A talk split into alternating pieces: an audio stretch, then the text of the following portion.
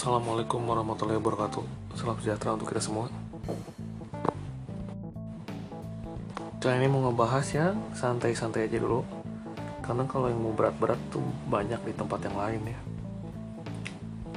Coba ceklah di di YouTube tuh ada orang ngupload gitu. 10 jam keheningan gitu. Berat ya. 10 jam coba sama ada yang upload kuliah-kuliah filsafat gitu mengunggah kuliah-kuliah filsafat itu ceramah dua jam dua setengah jam gitu. Dan sudah didengar tetap aja nggak bisa dipahami. Karena harus dibaca gitu ya udahlah berat gitu. biarkanlah itu menjadi apa makanan orang-orang lain gitu. Jangan rindu berat. Ya kalau ini mau membahas mengenai nostalgia 90-an khususnya dari sudut pandang orang yang lahir di Bandung gitu. Orang yang lahir dan besar di Bandung yaitu ya saya. Dan ini bukan statistik ya lebih kepada ya ngalor ngidul aja. Obrolan di warung Indomie. Bukan di kafe kekinian. Jadi dede-dede yang lahirnya sudah zaman reformasi ini nggak mengalami zaman ini gitu. Dan kalau kalian menonton film Dilan gitu ya secara visual filmnya tidak begitu menampilkan 90-an Bandung seperti apa itu bahkan ada beberapa adegan yang kalau orang Bandung melihat gitu bahwa sebenarnya itu adalah uh, seperti trotoar yang dibikin ya tahun 2015 ke sini gitu. Atau seperti misalnya apa ada spanduk-spanduk yang tahun 90-an tuh nggak ada kok di filmnya ada. Tapi ya ya udah sih karena memang untuk bikin set produksi yang period itu period piece kalau bahasa Inggris itu memang butuh biaya yang besar gitu. Dan toh orang nonton Dilan juga cari gombalan-gombalan recehnya ya nggak? Bukan cari apa wide shot Bandung 90-an gitu. Yang mana Masjid Agungnya itu masih ada jembatan gitu. Terus di bawahnya ada pedagang asongan banyak banget gitu. Jadi Bandung 90-an yang saya alami itu dan dua teman-teman yang seumuran saya alami itu nggak sama dengan Bandung yang sekarang ya yang kalau Bandung sekarang tuh kan ramai hiruk pikuk banyak kafe gitu, dan menjadi apa turis-turis domestik berdatangan gitu ya memenuhi setiap pojokan jalan terutama yang di pusat kota ya. Suka jadi main ke PVJ farmhouse Setiabudi Braga itu benar-benar sangat penuh gitu dan kedai-kedai kopi kekinian sama vape-vape itu sampai memenuhi jalan-jalan kecil itu sekarang ya. Dulu nggak seperti itu gitu karena memang kan tol Cipularang tuh baru ada 2005 jadi kemudahan untuk uh, datang dan pergi ke Bandung dari ibu kota itu nggak seperti sekarang-sekarang ini gitu. Karena kalau pakai kendaraan mobil bis itu harus lewat puncak dan itu 4-5 jam lah walaupun akhir-akhir ini ketika dibangun elevated Japex itu kan jadi 5-6 jam juga gitu karena terjadi kemacetan parah di bawahnya gitu. Jadi ya itu jalan tol dengan nostalgia Bandung sebelum 2005 gitu sebenarnya. Dulu sebenarnya ada sih di Bandung yang namanya cafe restoran. Ada gitu. Toko baju juga ada gitu.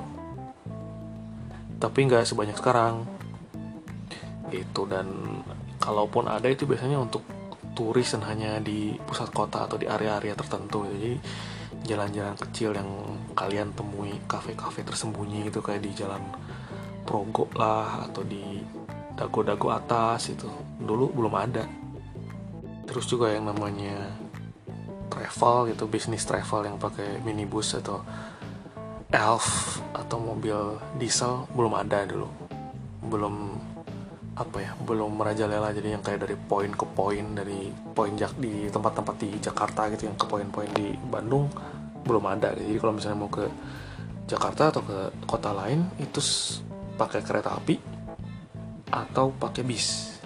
Bisa dari Cicahem bisa dari lebih panjang. Jadi udah rada kebayang kan ademnya Bandung gitu karena tidak terlalu macet tidak terlalu banyak turis-turis yang nggak tahu jalan gitu. Dan juga kalau main ke jalan Progo Dago atas atau tempat-tempat turisme lainnya atau apa tempat yang sekarang disebut farmhouse atau PVJ Sukajadi itu tidak sepadat sekarang gitu. Ada toko-toko tapi tidak sepadat sekarang gitu. Dan uh, eh, PVJ dulu itu adalah tempat kavaleri berkuda polisi. Bukan mall ya jadi ya begitu. Ada Sukajadi Setiabudi itu dulu nggak ada yang namanya macet 2-3 jam long weekend tuh nggak ada. Lancar. Sukajadi Setiabudi 15 menit selesai. Gitu. Rumah mode yang sering dikunjungi itu yang di apa? Ya deket Cimbuluit Setiabudi di bawah itu. Dulu itu pabrik. Pabrik tekstil ya. Terus mall Ciamplas Walk itu itu juga di situ pabrik bukan mall gitu dan nggak ada sky bridge atau jembatan di atas sekarang itu yang menu-menuhin gitu. Yang menurut saya itu cuma menu-menuhin aja. Perlu nggak sih itu? Ya nggak tahu ya. Saya bukan ahli tata kota gitu cuma saya melihat bahwa Bandung yang jalannya pendek-pendek kecil-kecil seharusnya tidak perlu terlalu dipadat-padati ya dengan struktur-struktur yang lain gitu ya dan sekitaran Jalan Braga si Afrika begitu-begitu aja dulu. Itu emang pusat kota tempat ada restoran lah ada toko kue toko roti. Tapi ya ya udah gitu aja gitu. Tidak sampai kepada pojokan-pojokan tuh ada kedai kopi kekinian gitu. jadi kalau misalnya datang ke Bandung Selatan misalnya daerah Arca Manik Margahayu gitu yang akan kamu temui kalau tahun 90-an itu ya udah rumah-rumah aja biasa. Rumah warung nasi udah nggak ada tiba-tiba nyempil distro kekinian atau tiba-tiba uh, ada vape bar satu gitu nggak ada. Kalau sekarang udah ada. Jadi bisa kebayang ya lalu lintas di Bandung tuh begitu enak gitu ya. Sama dahulu nggak ada yang namanya macet berjam-jam atau mau belok di Taman Sari jalannya ditutup gitu. Dulu nggak ada yang seperti yang yang seperti itu gitu. yang kayak daerah di Lembang setiap budi itu eh, itu lancar lalu, lalu lintasnya gitu karena memang uh, tidak ada mall atau toko-toko atau distro yang uh, nyempil-nyempil ya itu cuma ada beberapa kampus gitu kayak uh, Universitas Universitas Pendidikan Indonesia terus ada uh, Poltek uh, Politeknik Pos kalau saya nggak salah ya. Terus ada Poltek Telkom juga dulu. Saya nggak tahu sekarang masih di situ nggak ya dulu juga dulu juga belum ada jembatan Pasopati itu ya. Jadi jalan di bawahnya yang apa Bio Farma Pasteur itu penuh dengan pohon rindang ya dan ada pohon palem. Yang ingat ada pohon palem di depan Bio Farma tua ya. Dan Ciamplas juga sudah sudah ada beberapa toko tapi nggak seramai sekarang. Dulu kan lebih dikenal pusat penjualan celana jeans gitu Iya dan supermarket besar tuh bisa dihitung dengan dengan jari gitu. Kalau di Bandung tuh ada Jogja supermarket ya. Kalau di Jakarta nggak ada ya. Ada tapi mungkin agak agak agak terpencil tempatnya. Dan kalau bicara misalnya teknologi-teknologi 90-an itu yang sering muncul di apa media sosial dengan nostalgianya gitu. Misalnya punya Nintendo, punya VHS player, punya parabola itu hanya kelas atas aja ya kelas atas 90-an ya. Jadi kalau kamu tidak memiliki itu ya kamu kelas menengah aja biasa gitu. Hanya punya televisi tabung yang bisa menerima RCTI dan TVRI gitu. Yang kalau nonton RCTI juga nonton layar emas itu pasti diseling oleh Harmoko berbicara mengenai harga-harga bahan pangan tanpa tanpa diedit ya. Nolan aja nggak bisa bikin seperti begituan yakin deh Terus bagaimana dong dengan kehidupan sehari-hari anak mudanya? Cie, tergantung sih anak mudanya daerah apa dulu gitu. Kalau kamu kelas atas ya tentu saja kamu pergaulannya akan penuh dengan uh, apa bukan apa ya sebutannya ya. Dengan aksesori-aksesori kelas atas gitu ya. Dan kalau ada yang bilang PS1 ya PS1 itu udah 90-an akhir ya, 90-an tengah itu belum belum ada gitu orang tuh masih main apa dingdong mesin mesin dingdong masukin duit 100 kalah masukin lagi gitu. Dan di tempat dingdong ini berisik sekali. Banyak anak-anak SD dan uh, yang anak SD yang agak lebih tua atau anak SMP itu suka malakin gitu sama anak-anak SD yang lebih kecil gitu. Dan itu tempat yang sangat horor sebenarnya mengerikan ya. Makanya banyak orang tua yang sudah tahu gitu buat tempat dingdong itu adalah tempat uh, banyaknya garong dan mafia cilik gitu melarang anak-anaknya ke sana. Jangan ke tempat dingdong katanya. Nanti kamu dipalak gitu. ya, alhamdulillah saya nggak pernah dipalak ya. Jangan sampai lah. Begitu pula dengan pergaulannya yang alhamdulillah gitu ya. Ya kadang-kadang kamu kelas menengah biasa biasa-biasa aja gitu. Nggak ada tuh yang namanya nongkrong di kafe nongkrong di restoran nongkrong di mall itu langka gitu. Kalau mau main ya main ke rumah teman yang paling deket berkumpul bawa makanan masing-masing atau bawa ada yang bawa mangga ada yang bawa kedong-dong ada yang bawa bengkoang ngerujak udah gitu. Dan terjadilah gibah. Jadi gibahnya tuh di dunia nyata ya tidak dibikin grup WhatsApp WhatsApp yang misalnya ada sekian grup sub sub sub grup yang mana ada si ada grup yang si Ono tidak dimasukin ada grup yang si itu masuk gitu. Jadi tidak ribet ya dulu. Dan soal pertemanan juga karena memang tidak ada media sosial kita cuma berteman dengan yang dekat-dekat wilayahnya wilayahnya aja gitu yang satu kelurahan atau satu sekolah. Jadi kalau misalnya ketemu temen dari kelurahan yang lain atau dari wilayah Bandung lain misalnya kamu tinggal di Bandung Utara terus ketemu temen di Bandung Selatan ya itu karena kamu mungkin punya saudara di sana atau ada kenalannya kenalan dan um, jadi interaksinya tuh tidak semasif seperti sekarang gitu di mana kamu sekarang bisa memilih teman berdasarkan hobi gitu. Misalnya di kelurahan kamu tuh nggak ada teman yang senang mengumpulkan ikan cupang gitu. terus kamu cari ke media sosial ternyata kamu punya temen yang ngumpulin ikan cupang tapi tinggalnya di Vladivostok Rusia. Terus kamu bikin grup uh, apresiasi ikan cupang gitu seluruh dunia gitu. Kamu jadi sekjennya terus ketuanya orang Polandia gitu. Sekarang itu mungkin dulu nggak bisa gitu. Kamu suka ikan cupang sendirian sementara teman-teman kamu tuh sukanya ikan lele gitu. Ya udah kamu sendirian aja bengong sendiri gitu. Dan mungkin terpaksa ikut-ikutan menyukai ikan lele gitu ya nggak?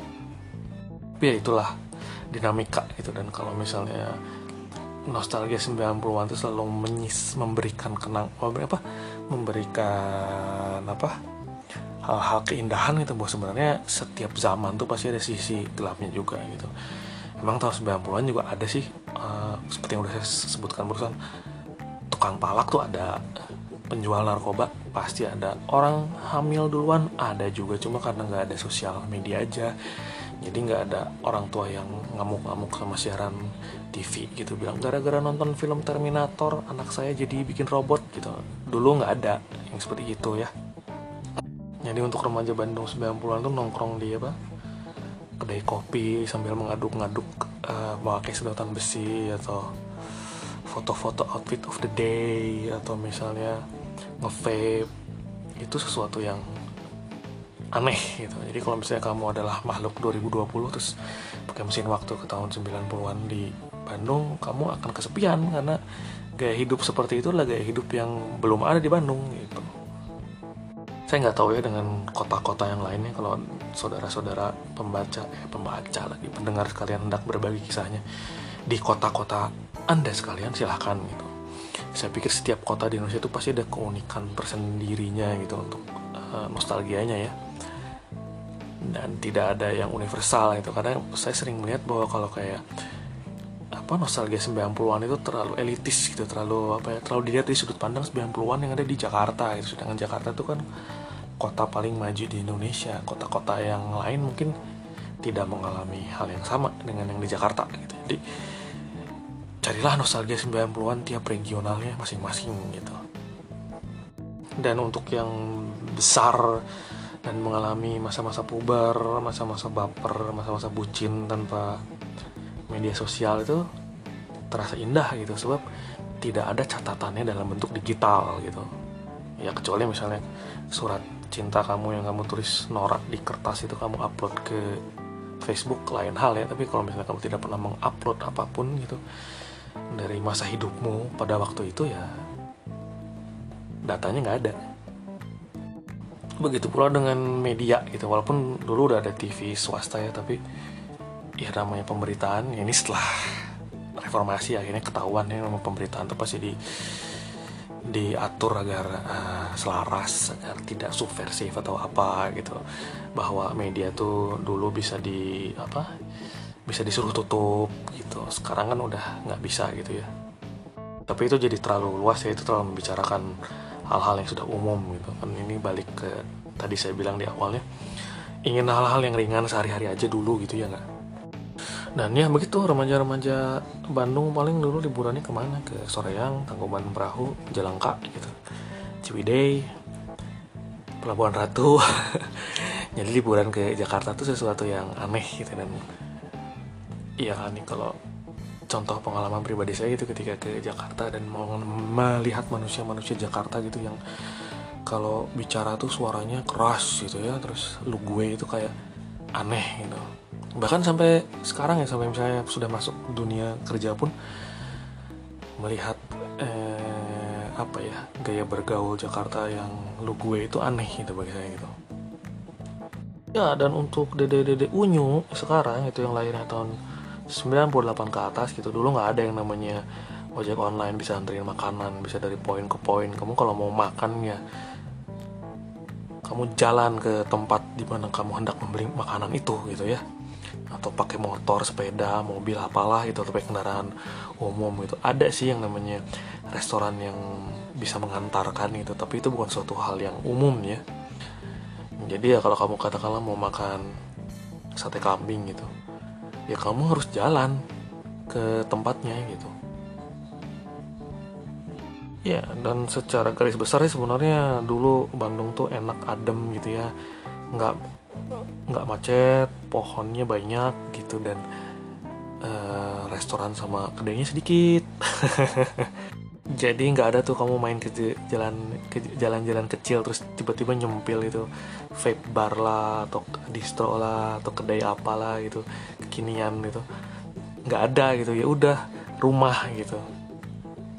Ya dan untuk anak-anak sekolah itu selain hiburannya ke rumah teman main bola gitu di lapangan kosong apa pun atau main bola di lapangan kavaleri TNI gitu. Yang mana pada saat itu TNI-nya baik-baik sekali gitu padahal itu lapangannya mereka ya tempat mereka latihan gitu. Tapi mereka tuh mau menunggu anak-anak selesai main bola baru mereka latihan dan tidak diusir gitu ya. Juga kalau misalnya uh, ke tempat yang sekarang jadi PVJ itu nonton apa kavaleri polisi berkuda gitu. Atau ke Sespimpol di Lembang gitu lihat apa ya lihat berkuda aja gitu. Itu sudah merupakan suatu hiburan tersendiri gitu ya. Atau kalau yang di daerah selatan mungkin mainnya ke lapangan Tegalega gitu ya. Udah gitu aja hidup gitu.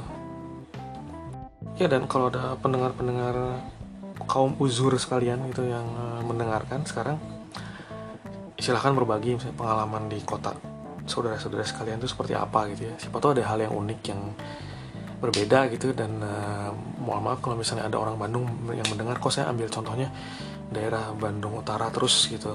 Karena memang ya hidup saya di daerah sana gitu. Jadi karena hidupnya di daerah situ saya termasuk jarang gitu bermain ke daerah selatan itu sampai ke apa Dayakolot main ke Soekarno Hatta Pasir Koja itu termasuk jarang. Jadi saya sendiri juga tidak bisa bercerita misalnya di daerah Pasir Koja 90-an apa sih yang unik gitu. Jadi kalau secara geografis itu hanya bisa ditarik. Saya tuh kalau mau bercerita itu hanya dari Lembang sampai alun-alun Tegalega udah gitu. Daerah sebelah sana itu ya bukan daerah tempat penjelajahan itu. Tahu tapi ya bukan yang uh, apa ya sampai menyelami kehidupan atau katakanlah kayak main dingdongnya itu enggak mm, enggak sampai ke sana gitu. Walaupun pernah sih sampai apa ya kopok tuh pernah lah. Dan kalau bicara kota tetangganya Bandung itu kan Cimahi gitu ya. Cimahi itu kota yang kota Cimahi itu udah kota lain tapi bisa dicapai dengan angkot. Dan itu kota yang bersih ya karena banyak tangsi militer ya. Ya udah sepi gitu. Tapi kalau lihat sekarang itu kalau misalnya anak-anak sekarang itu pengen tahu Bandung 90-an seperti apa ya main aja ke Cimahi gitu. Seperti begitu gitu apa lengangnya atau apa pohon-pohonnya masih rindang gitu. Tidak tiap belokan ada kafe itu ada sih memang kalau diperhatikan sekarang emang ada pembangunan juga kan di daerah Cimahi. Tapi kalau misalnya pengen tahu 90-an seperti apa ya datang aja ke Cimahi jadi ya udah sekian nostalgianya gitu um, yang lebih kepada hal-hal geografis gitu yang lebih kepada pernak-pernik yang remeh-temeh. Terima kasih sudah mendengarkan